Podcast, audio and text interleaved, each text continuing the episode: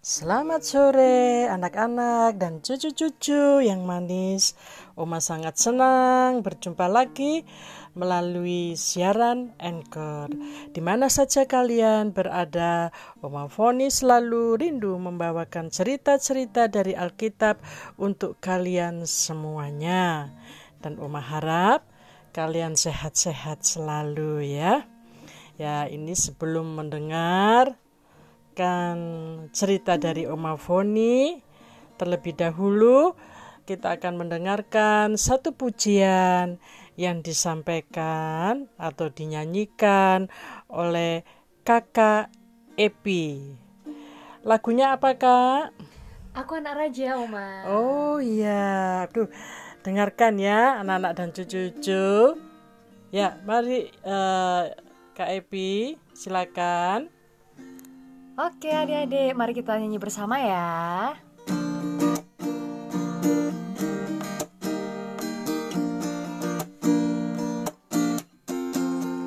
Aku anak raja, engkau anak raja, kita semua anak raja.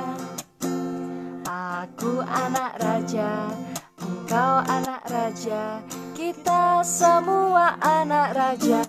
Haleluya, puji Tuhan, haleluya, puji Tuhan, haleluya, puji Tuhan, haleluya, haleluya, puji Tuhan, haleluya, puji Tuhan, haleluya, puji Tuhan, haleluya.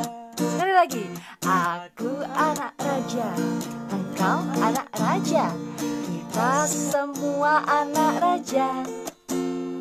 Aku anak raja, Kau anak raja, kita semua anak raja. Haleluya, puji Tuhan, haleluya. Haleluya, puji Tuhan, haleluya. Haleluya, puji Tuhan, haleluya. Puji Tuhan, haleluya. Puji Tuhan, haleluya. Tepuk tangan untuk Kak Ebi. Ya, terima kasih Suaranya merdu ya. Nah, kiranya Tuhan Yesus memberkati Kak Ebi selalu dengan suaranya yang merdu ya. Amin. Ya. Uh, terima kasih ya Kakak Epi. Ya, Nanti sambung lagi ya Kak. Ya. Ya. Sekarang tiba saatnya kita masuk di dalam doa. Yuk bersama-sama dengan Oma ya. Segala puji syukur kami naikkan kepadamu ya Tuhan atas kasih setia Tuhan yang sudah menyertai anak-anak dan cucu-cucu dapat belajar dengan baik agar supaya mereka dapat melakukan kehendak Tuhan dan berbakti serta sayang kepada orang tua mereka masing-masing. Kiranya Tuhan selalu memberi kesehatan dan kepandaian. Kami juga mau mendoakan kawan-kawan yang lagi sakit.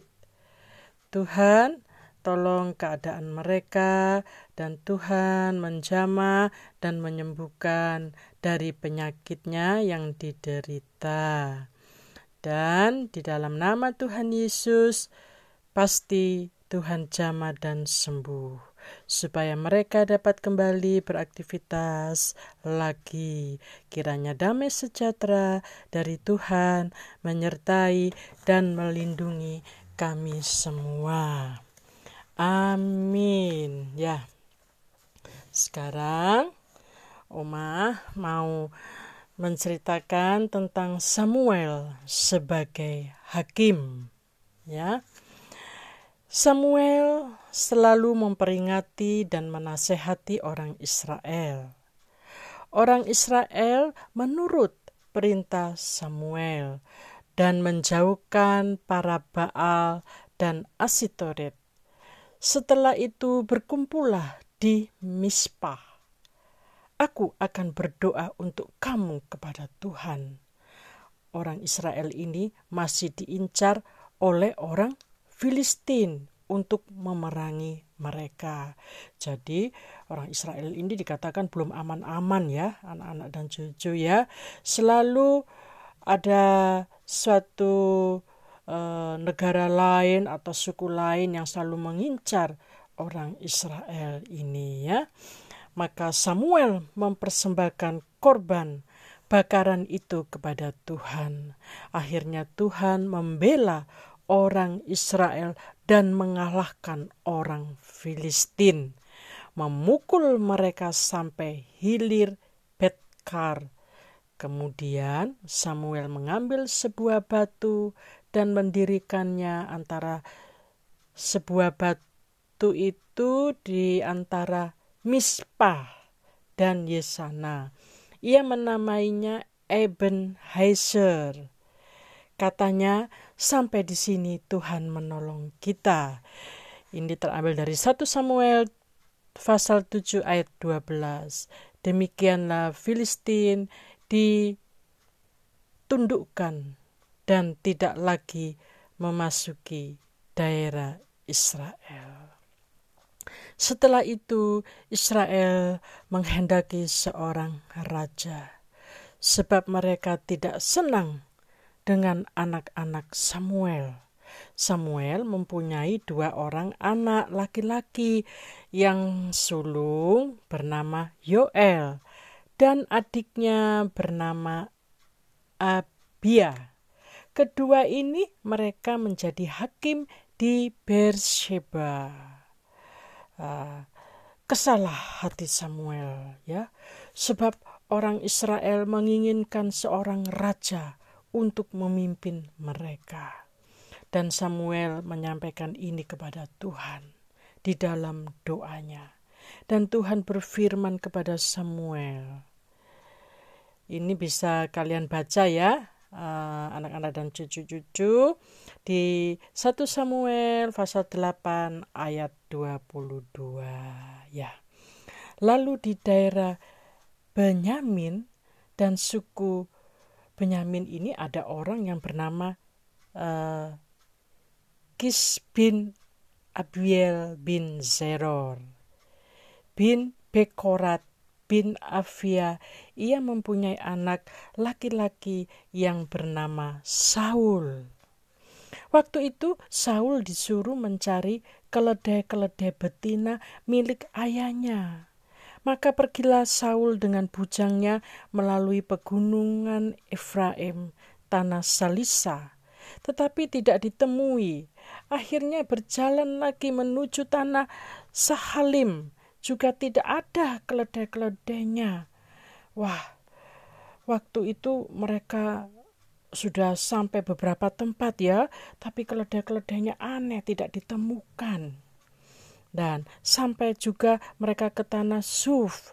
Saul mengajak bujangnya untuk pulang, tetapi bujangnya tidak mau dan berkata, "Di kota ini ada seorang abdi Allah, seorang yang terhormat, dan segala yang dikatakannya pasti terjadi. Kemudian mereka menuju ke tempat di mana Samuel tinggal. Tetapi Saul berkata, "Aku tidak membawa apa-apa." Lalu bujangnya berkata, "Aku masih mempunyai seperempat sikal perak. Itu dapat aku berikan kepada abdi Allah itu." menujulah mereka melewati jalan dan pendakian ya ke kota itu ya. Nah, setelah setelah apa anak-anak dan cucu? Setelah Saul merasa lega karena abdinya membawa uh, seperempat sikal ya untuk diberikan kepada Samuel ya. Lalu mereka bertemu dengan gadis-gadis ya di dalam perjalanan itu yang keluar hendak menimba air. Maka bertanyalah mereka kepada gadis-gadis itu, "Pelihat ada di sini?" Jawab gadis-gadis itu kepada mereka, "Ya, ada. Baru saja mendahului uh, kamu. Cepat-cepatlah. Bila kamu masuk ke kota, maka kamu akan segera menjumpainya." Sebelum ia naik ke bukit untuk memberkati korban bakaran. Samuel yang lagi berjalan untuk naik ke bukit berpapasan dengan mereka. Tetapi sebelum Samuel bertemu dengan Saul, Tuhan lebih dulu menyatakan kedatangan Saul. Firman Tuhan kepada Samuel, "Engkau akan mengurapi Saul dari suku Benyamin. Dia akan menjadi seorang raja untuk memimpin umatku Israel." Ketika Samuel melihat Saul, maka berfirmanlah Tuhan kepadanya, "Inilah orang yang kusebutkan kepadamu itu." Dalam hal ini mendekatlah Saul kepada Samuel dan berkata, "Di mana pelihat itu?" Jawab Samuel, "Akulah pelihat itu." Naiklah ke bukit mendahului aku. Hari ini aku telah bersama uh, bersamamu ya, dan besok akan kukatakan semua apa yang kau inginkan di dalam hatimu. Kalau soal keledai-keledai itu tidak usah khawatir yang telah hilang tiga hari lamanya hingga sekarang sudah ditemukan. Wah, mendengar itu Saul dan abdinya sangat senang ya, karena mereka cari ke sana kemari ya, uh, tidak menemukan ya. Tapi setelah uh, bertemu dengan Samuel, Samuel berkata tidak hilang ya, walaupun sudah tiga hari ya. Dan lanjut ini, aku ini dari suku Benyamin, suku yang terkecil di Israel. Bukankah kaumku yang paling hina dari segala kaum suku Benyamin? Sesudah Samuel mengajak Saul dan bujangnya ke pendopo dan diberikan tempat utama di depan para undangan yang berjumlah 30 orang. Kemudian Juru masak menghidangkan paha dan meletakkannya di depan Saul. Setelah itu mereka bercakap-cakap dengan Saul di atas soto. Dan bangunlah pagi-pagi sebelum engkau pulang, aku akan memberitahukan kepadamu mengenai firman Tuhan. Ya, demikianlah Eh, cerita dari Oma untuk anak-anak serta cucu-cucu semuanya lain waktu dan ada kesempatan pasti Oma sambung lagi ya ceritanya. Jangan lupa berdoa dan harus rajin belajar. Tuhan Yesus memberkati kalian semua.